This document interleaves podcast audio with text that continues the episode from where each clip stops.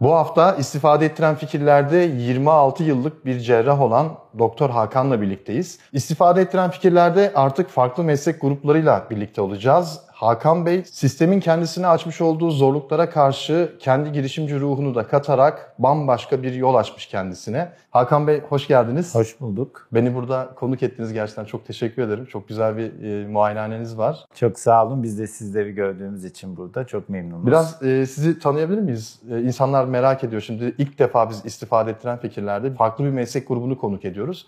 E, o yüzden biraz kendinizden bahsedin. Bugün neler konuşacağız onu bir özetleyebilir misiniz? Ben aslında normal standart Türk vatandaşı. Adım Hakan, soyadım Bozkurtoğlu. 1996 yılında Çapa Tıp Fakültesinden mezun oldum. E, mezun olduktan sonra hemen TUS sınavını kazandım ve uzmanlık eğitimine başladım. Göztepe Sigorta Hastanesi'nde o zamanki adıyla uzmanlık eğitimime başladım ve 2003 senesinde genel cerrah olarak yaşamıma başladım. Yaklaşık 25 yıllık e, bir mesleki tecrübeyle ülkemde mesleğimi yapmak için büyük gayret sarf ettim. Kendimce de büyük işler başardığımı da düşünüyorum. Çok büyük e, operasyonlarda da bulundum açıkçası. Fakat Türkiye'de biliyorsunuz günümüzde zaten medyadan siz de takip ediyorsunuzdur. Maalesef mesleğimizi şu an ülkemizde e, icra edebilmenin e, doğurduğu sistemden kaynaklanan zorluklar da var. Bu zorlukların artık mesleğimi icra etmekte zorladığını fark ettiğim için kendim için ne yapabilirim, daha farklı neler oluşturabilirimin son 4-5 yıldır kavgasını veriyordum. Ve en sonunda da kendi girişimci ruhumla freelance çalışmaya başladım. Freelance doktor diyebiliriz o zaman size. Doğru Diyebilirsiniz. Aynen Süper. öyle. Peki Türkiye'de doktorlar nasıl bir zorluk yaşıyor, yaşayabiliyorlar ki? Yani sizin arkadaşlarınızdan örnek verecek olursanız böyle gerçek bir örnek var mı? Şu kişi şöyle bir zorluk yaşıyor dediğiniz bir örnek var mı? Yani şimdi şöyle e, maalesef e, günümüzde artık meslek tabii kan kaybediyor. Hem eğitim anlamında ciddi kan kaybediyoruz. Maalesef e, üniversite sayısı artmakla birlikte tabii kalite anlamında böyle bir artış gözükmüyor. Hatta diyebilirim ki mevcut köklü üniversitelerimizin bile şu an için eğitim seviyelerinde bizlerin eğitildiği dönemlere göre ciddi bir anlamda erozyon var. Bu bir kere memleketimizin gelecekte kaliteli hekimlere kavuşmasının önündeki en büyük engellerden biri. Tabii ki artık günümüz bilgi çağı. Biliyorsunuz Türkiye'nin herhangi bir bölgesinde yaşanan bir olay saniyeler içerisinde belki dakikalar içerisinde hani abartmayayım herkesin e, ekranına düşüyor. Yeni neslin mesleği tercih etmesinde de ciddi bir tabii ki azalma var. Hadi mesleği tercih etti diyelim. Bizler gibi genel cerrahi, kadın doğum, çocuk uzmanlığı gibi önemli branşların, ana branşların tercih edilmesinde çok büyük bir erozyon var. E bunların hepsi aslında mesleğin e, gelecek yıllardaki e, zorlukları.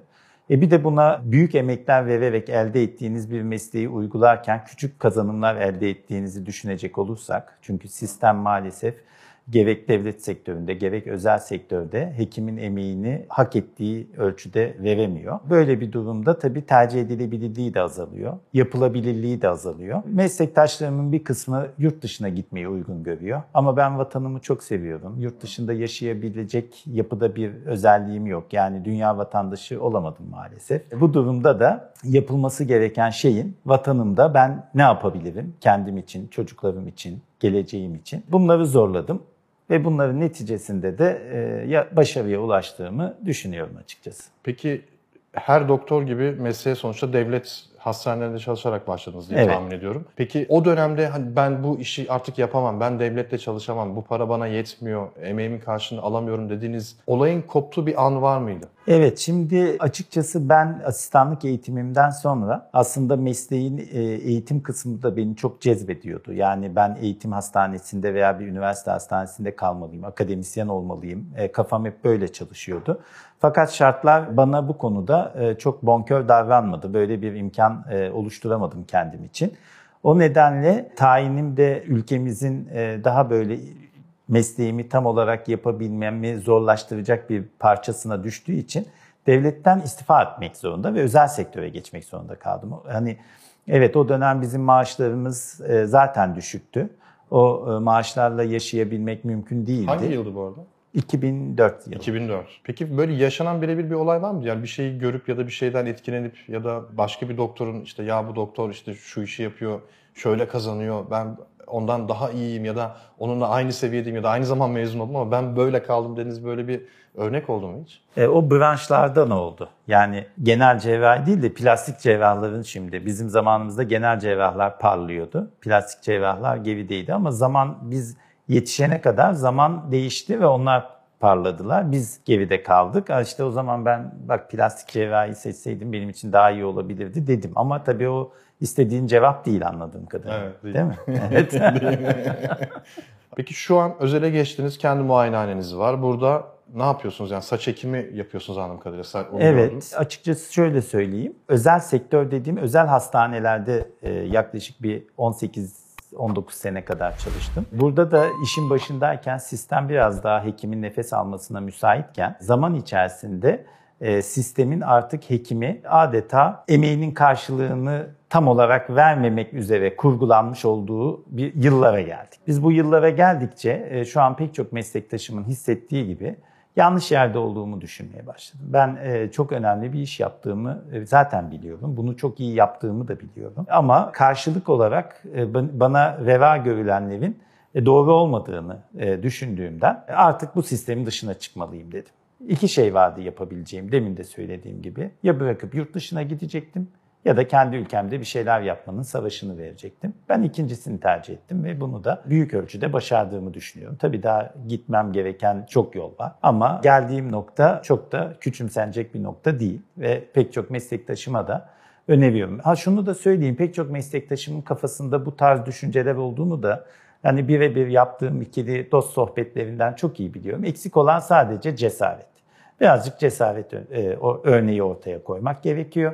Bunu ortaya koyduktan sonra gerisi zaten yavaş yavaş geliyor çorap söküğü gibi. Ya aslında cesaret demişken bana göre yani benim görüşüme göre bu. Yani katılır mısınız katılmaz mısınız bilmiyorum. Türkiye'de gençlerin cesaretini kıran biraz da aslında sistem. Çünkü e, dediğiniz gibi Türkiye'de üniversite sayısı, tıp fakültesi sayısı 2008'e göre 2022 yılında çok fazla artmış. Ama aynı oranda öğrenci artışı yok. Evet. 18 bin öğrenci kayıt olmuş tıp fakültesine ve bu oran bayağı bir az şu an. 2022 yılında 18 bin öğrenci tıp fakültesi okuyor.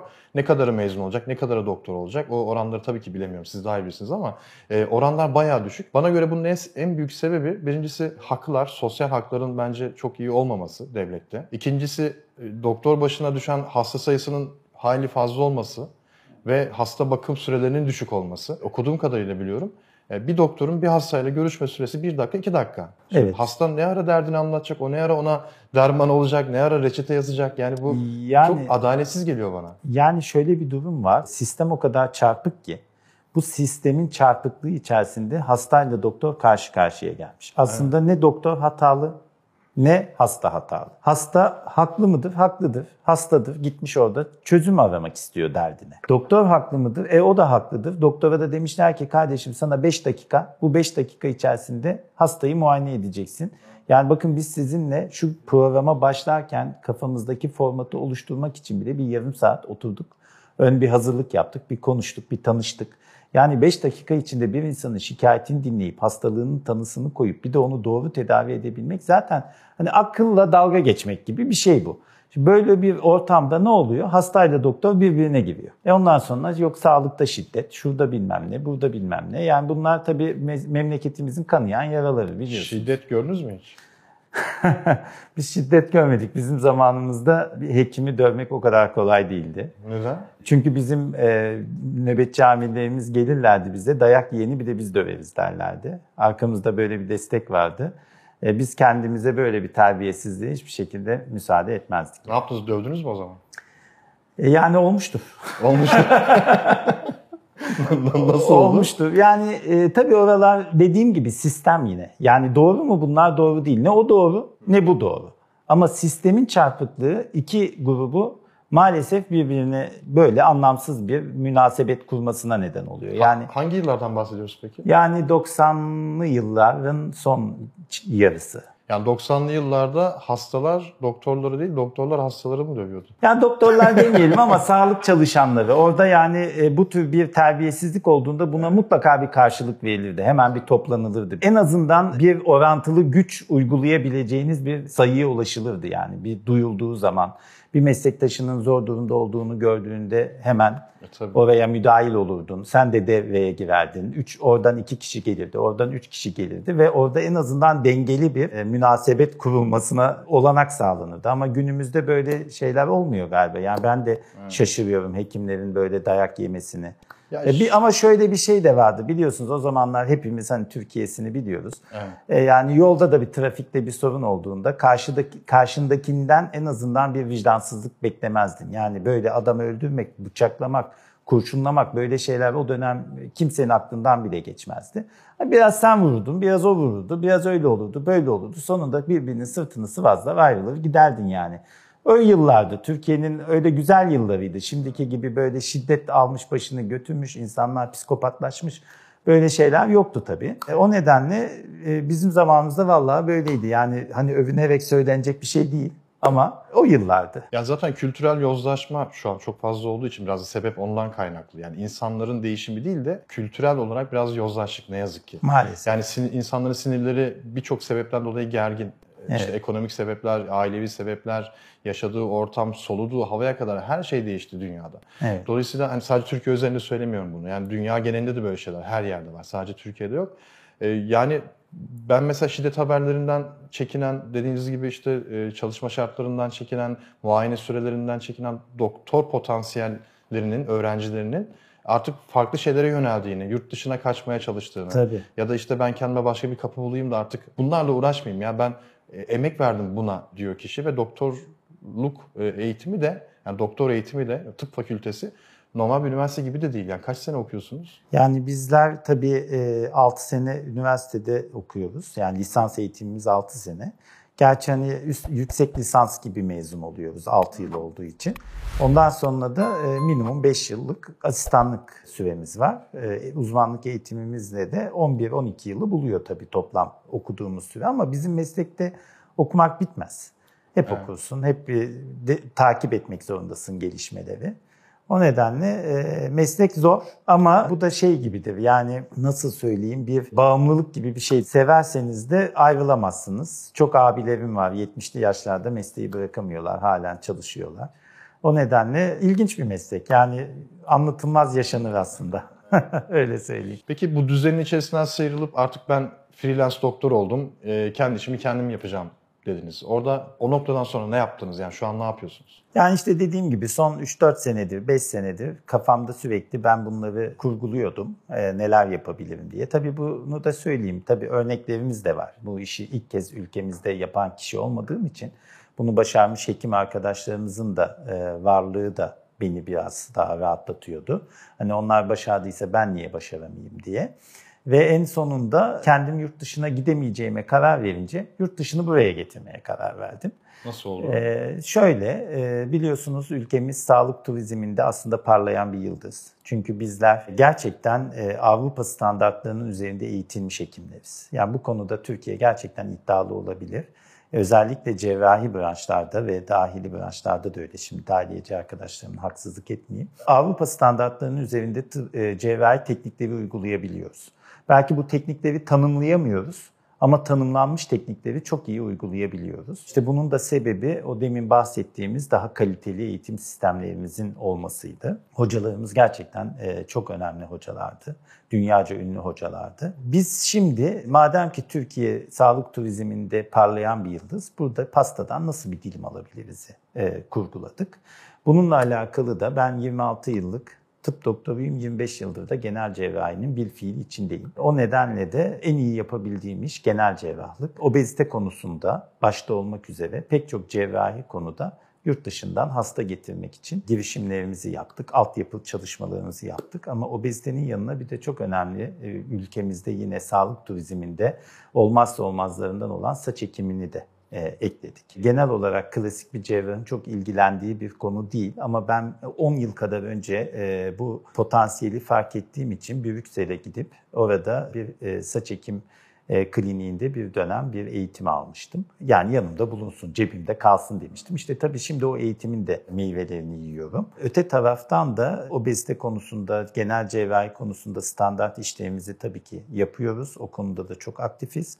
Ama saç ekimi kliniğinde bir aslında çalışma arkadaşım var, ortağım. Bu kısmı daha çok o götürüyor. Ben daha çok tıbbi konularla ilgileniyorum. Bu arkadaşımla beraber biz Türkiye'de saç ekimini acaba klasik e, bilinen rutinin dışında nasıl uygulayabiliriz? Kafasına girdik ve pek çok araştırma yaptık. Dünya e, literatürünü günlerce taradık ve bunun neticesinde e, bunun bir organ nakli olduğuna bir cerrah hassasiyetiyle ben karar verdim ve adeta bir organ nakli yaparmışçasına aldığımız grefleri dış ortamda nasıl korumalıyız, e, operasyonumuzu nasıl bir e, plan üzere kurmalıyız ki biz bu greflerin dış, dış ortamda daha kısa süre kalmasını sağlayalım ve nasıl bir akış izleyelim ki biz bu e, greflere daha minimum travmayla maksimum sonuç alalım.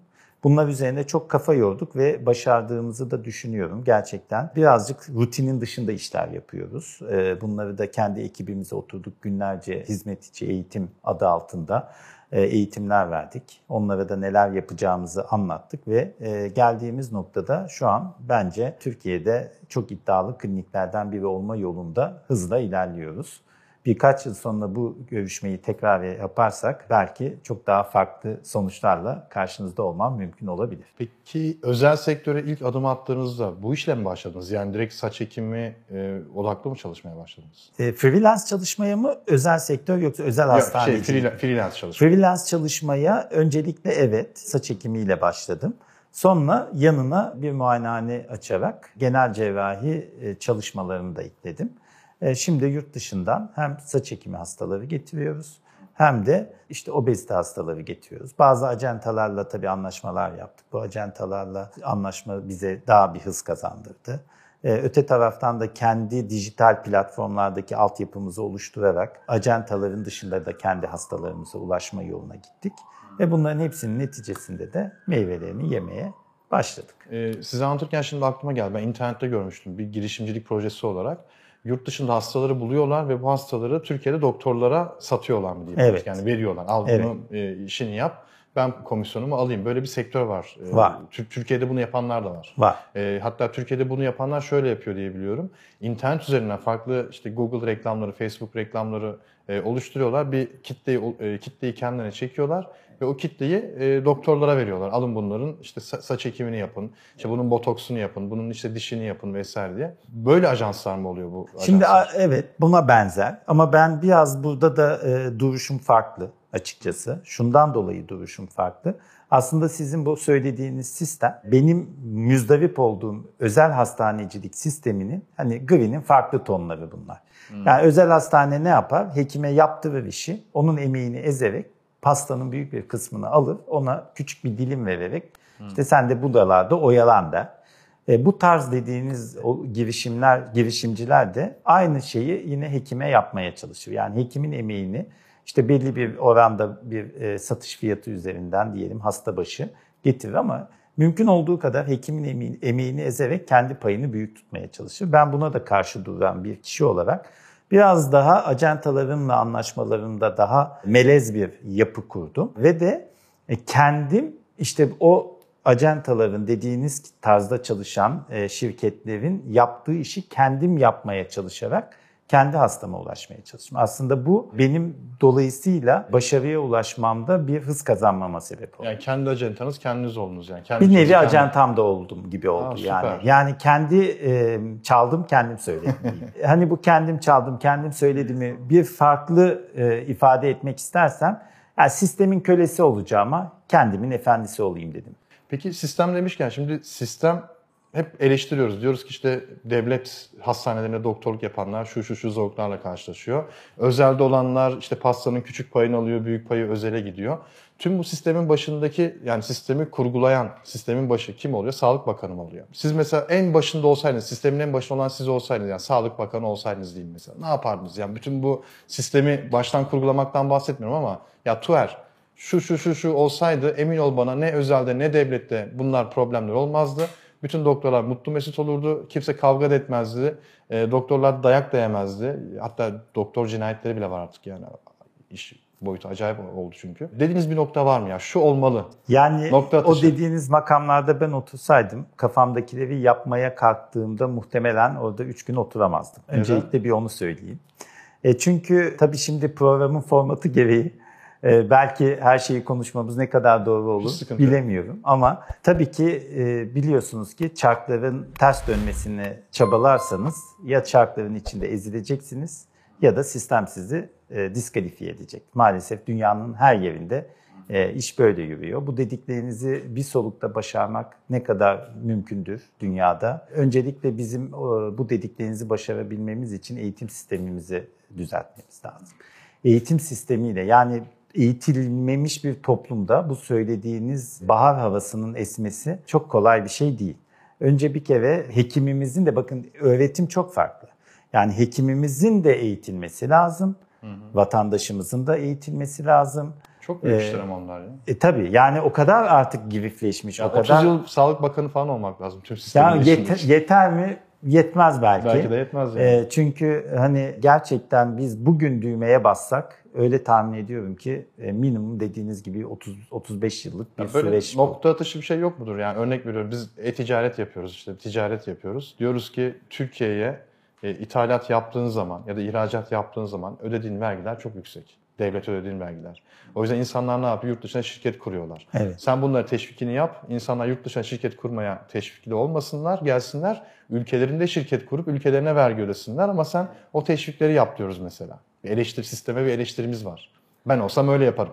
Yani e, öyle nokta atışı bir şey var mıdır hiç bu sektörde? Yani sadece şöyle bir şey söyleyeyim. Bence bizim sistemimizin bugünlere gelmesindeki en önemli sebep sağlıkta tam gün yasasının çıkmasıdır. Ne demek o? Yani sa- sağlıkta tam gün yasası çıktığı zaman artık hekimler tercih yapmak zorunda. Ya devlette çalışacaksın, ya özel sektörde çalışacaksın ya da benim gibi freelance çalışacaksın. Hem devlette çalışıp hem bir muayenehane işletmenin önünde şu an sistem engel. Hem özel hastanede çalışıp hem muayenehane işletmenin önünde engel veyahut da devlette çalışıp özel hastanede part-time çalışmanın önünde engel. Asıl problemler buradan çıkıyor. Şimdi hekim tabii çok önemli ve çok zorlu eğitimler alıyor. Tabii ki bizim yaptığımız iş vicdani tarafı olan bir iş. Vicdanı bir tarafa bırakmadan bırakmamak kaydıyla az- yani yatsınamaz bir gerçek ki hekimin de tabii ki kazanması da lazım. Yani ticari olarak da bir şeyler elde etmesi gerekiyor.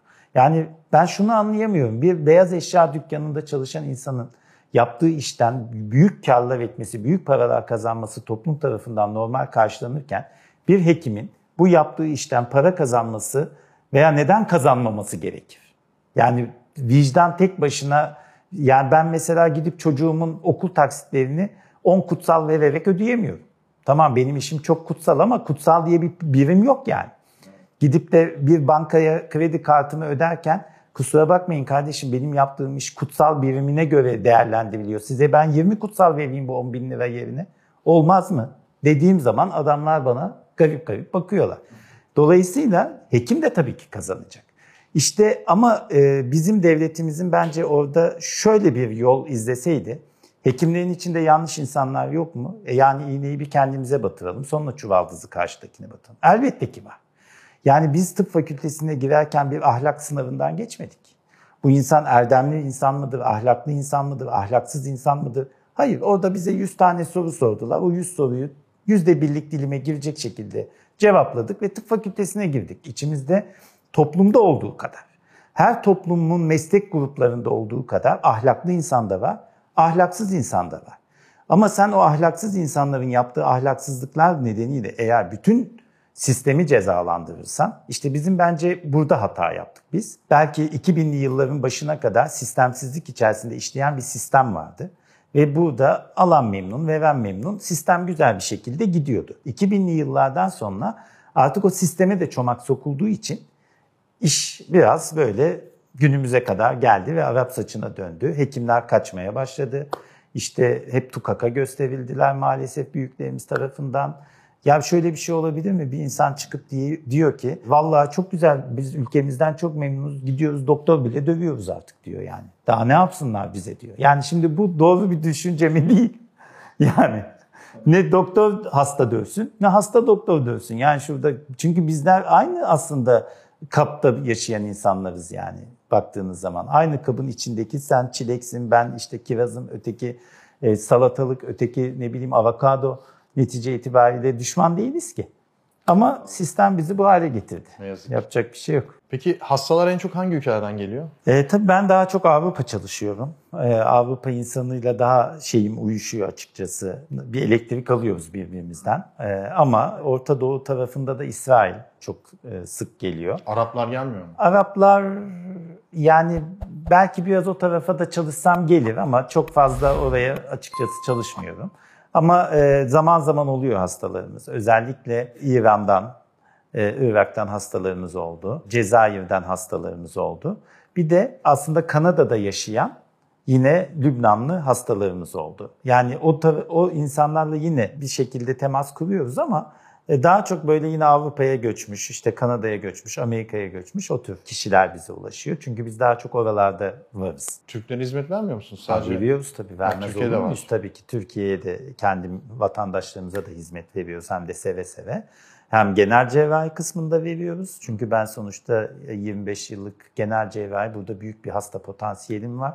Hastalarımla da çok iyi diyaloglarım var. Öbür taraftan saç ekiminde de hizmet veriyoruz ama saç ekiminde ağırlık tabii yine yurt dışı, Yurt yurt, dışı. içi değil. Avrupa'nın her ülkesinden Almanya, Hollanda, Fransa, Belçika, İtalya, özellikle İtalya bizim için güzel bir pazar. Mutlaka vardır hikayeleri enteresan, değişik. Ee, Özellikle yurt dışındaki hastalardan var mı şöyle bir hikaye enteresan? Ee, Yani böyle birden sorunca hop diye akla da gelmez ama e, mesela İsrailliler tabii çok farklı kültür e, biliyorsunuz. E, Böyle bir işle ilgilendiğiniz zaman da tabii çok farklı kültürlerle karşılaşıyorsunuz. İsraillilerin içerisinde e, özellikle Ortodoks dediğimiz kesim tabii dini inançlarına çok bağlılar. Tabii herkesin inancına saygı duyduğumuz için e, ben olayı e, daha böyle kültür farklılığı olarak anlatayım. Kendilerinin işte belli e, saatlerde ayakta e, bir takım ibadetlerini yapmaları gerekiyor ve bu bazen operasyon e, saatlerinin arasında da ayakta yapıyorlar. Evet. Ee, bir ayakta bir yüzlerini bir duvara dönerek kısa sürüyor aslında ama işte belli aktivitelerden sonra veya belli saatlerde o ibadetlerini yapmaları gerekiyor ve operasyonun ortasında işte bir şekilde kalkıp bu ibadeti yapmak istiyor. Biz de onlara tabii saygı duyuyoruz. Ama şimdi takdir edersiniz ki 8 saat süren bir e, operasyon saç ekimi ve e, bu kişiler e, daha çok da sedasyonla, anesteziyle e, bu işlevi istiyorlar. Biz onları bir de biraz aç tutuyoruz. Bir de onların özel yiyecekleri var. Koşer dedikleri bizim gibi buradaki her şeyi yemiyorlar. Yani bizim yurt dışına gidince domuz eti yememek için verdiğimiz çabayı onlar da kendilerine göre işte yasakları var. Onları yemeyerek gösteriyorlar. Aç yaşıyor adamlar burada yani. Bir de ameliyat. Ayağa da kalkınca hastamızın biri birdenbire bir de odadan çıkmamızı da istiyor bazıları. Biz de odadan çıkmıştık kendi isteğiyle. Birden bir patırtı, gürültü içeride ne oldu dedik bir girdik. E, tabii başı dönmüş herhalde. Kafayı duvara vurmuş. Eyvah. Allah'tan bir yarılma, açılma falan olmadı ama yerden topladık işte hemen yatır serumlar tak bilmem neler yap. Yani ne gerek var bu kadar aksiyona diye kendi kendimize söylüyoruz ama adama da bir şey diyemiyoruz. Tabii. Ya böyle şeyler yaşanılıyor mesela. Peki din demişken merak ettiğim için soruyorum da Evet. bazı dinlerde hatta Müslümanlıkta da saç ekimi böyle caiz değildir derler ya. E, hiç onunla ilgili bir e, bir şey oldu mu? Yaşadınız mı? Ya da bilginiz var mı? Yani yaşamadım. Ya da Yahudilerde atıyorum şu an bilmediğim için söylüyorum. Yok, E, saç Yahudilerde ekimi öyle- caiz değildir mesela. Var mı öyle bir şey? Vallahi herhalde öyle bir şey yok çünkü bu konuda çok hevesli ve çok istekliler. Ee, yani Yahudiler, İsrailliler diyeyim yani. Yani hiçbir hasta gidip bunu demedi mi? Ya Demedi. biz bunu yapacağız ama biz Yok. bilmiyoruz dinimiz de böyle. Yok demedi ama ben de tabii hani sonuçta fıkıh uzmanı falan değilim Değilsin yani. Kelam Bana soruyorlar eticaret haram mı diye. Yani onu bilemem. Da ne haramdır diyebilirim ne haram değildir diyebilirim. Kimsenin inancına da ters düşecek bir ifadede bulunmak istemem ama ülkemizdeki vatandaşlarımızda da böyle bir kaygıyla hiç karşılaşmadım. Saçma çünkü. Yani sonuçta insan kendine bakmalı. Güzelliğine, Yani, evet. görünüşüne. Yani bu- Ben iki kez ektirdim saç. Yani Tabii. çok da güzel olmuş. Aynen. belli olmuyor. Ellerine sağlık eken e, arkadaşımızın. E, yani sonuçta şurada duran saçı alıp buraya koymakta ne, Allah adına nasıl bir sakınca vardır onu bilmiyorum yani. Hani bendekini size koysak, sizdekini bana koysak tamam o. o Belki o da hani süper de da. olacak bir şey değil de ama e, öbür açıdan ne diyelim yani e, ince işler abi oralara hiç girmeyelim bence çıkamayız. Türkiye'de 2022'de 18 bin kişi tıp fakültesi okuyor demiştim. Evet. E, aşağı yukarı. Hani yanlışım varsa da izleyenler yorumlarda düzelsinler lütfen. E, ve bu, bu kişilerin bir kısmı belki genel cerrah olacak, bazıları be- olmayacak, bazıları da işte farklı bir kategoride belki doktor olacaklar. Sonuçta daha fazla ülkenin doktora ihtiyacı var. Daha fazla doktor olması gerek- gerekiyor. Daha doğrusu bu bölümleri okumak isteyen e, insanların olması gerekiyor. Bu gençlere bir tavsiyeniz var mı? Yani 26 yıl mesleğin içinde biri olarak yani onları teşvik edici ya da ya bak e, doktor olursan şunu şunu yaparsan bu daha iyi olur diyeceğiniz bir yol haritası var mı? Yani şöyle söyleyeyim. Şimdi günümüzde tabii gençlik e, bizim gençliğimiz gibi değil. Bizim yıllarımızda daha farklı bir dünya vardı. Şimdi daha e, hızlı akan bir dünya var. Bilgiye ulaşmak çok kolaylaştı ve e, gençlerimiz çok emek vermeden maalesef başarıya ulaşma hayalleri kuruyorlar. Başaranlar da oluyor mu? Aslında oluyor. Hani dijital ortamda çok güzel işler yapan ve güzel kazanımlar elde eden de pek çok da genç arkadaşımız mutlaka var. Sizin konseptiniz bunları zaten ortaya çıkarma konusunda Evet. da bayağı başarılı. Şimdi tıp fakültesi okumak istiyorlarsa gerçekten bir kere okumaktan korkmasınlar. Çünkü tıp fakültesi okuyabilmek halen daha günümüzde bence bir ayrıcalık ve e, büyük emek ister. E, okusunlar. Ama tıp fakültesini bitirdikten sonra bakın ben diyorum 26 yıllık hekimim. Ama bu 26 yıllık hekimlik hayatımın minimum 20 yılını e, mesleki anlamda pişmek için harcadım. Para kazanmak için değil. Bu çok önemli. Az para kazandığımı biliyordum ama her anlamda tecrübe açığımı ve eksiğimi kapatabileceğim bir olgunlaşma dönemi geçirmem gerekiyordu. Yoksa bir insan tıp fakültesini bitirir bitirmez çok iyi doktor olamaz. Asistanlık eğitimini bitirir bitirmez ama kaliteli uzman olabilir. Bundan sonra da yine bir pişme dönemimiz var. Yani o uzmanlığın da ilk zamanlarıyla son zamanları arasında hastayla konuşmanız bile değişiyor yani. Ben genç kardeşlerime bunu önerebilirim. Yani böyle e, kısa yoldan e, ben bu işi yaparım mantığına giderlerse meslekte başarılı olamazlar. E, bizim mesleğimiz nehrin içerisindeki bir taş gibidir. Çok yuvarlanan taş yosun tutmaz. Biraz hani taş da yerinde ağırdır. Biraz yerinde durması gerekir. Biraz dingin geçireceği bir dönemin olması gerektiğini, bir olgunluk döneminin olması gerektiğini bilmeleri gerekir. Ben bunların hepsinde göze alırım diyorlarsa başarıya ulaşmamaları için hiçbir sebep yok. Ulaşırlar mutlaka. Hakan Bey ağzınıza sağlık. İzleyenlerin de çok istifade ettiğini tahmin ediyorum. Ee, çok güzel bilgiler verdik. Çok güzel sohbet ettik. Ben tekrar e, teşekkür ediyorum. Ben teşekkür Beni de ederim. misafir ettiniz burada. Ee, Çok da büyük keyif aldık sizi misafir etmekten. Ben teşekkür ediyorum. Eğer gerçekten bir e, dokunuşum olmuşsa, çorbada biraz tuzum olmuşsa ne mutlu bana. E-ticaret dışında farklı meslek gruplarıyla siz de buraya konuk olmak istiyorsanız Hakan Bey gibi aşağıda bir formumuz var. O formu doldurarak e, bizimle iletişim kurabilirsiniz. Ayrıca yorumlarınızı çok merak ediyorum. Videonun altına yorumlarınızı yapmayı da unutmayın. Kendinize çok iyi bakın. Hoşçakalın.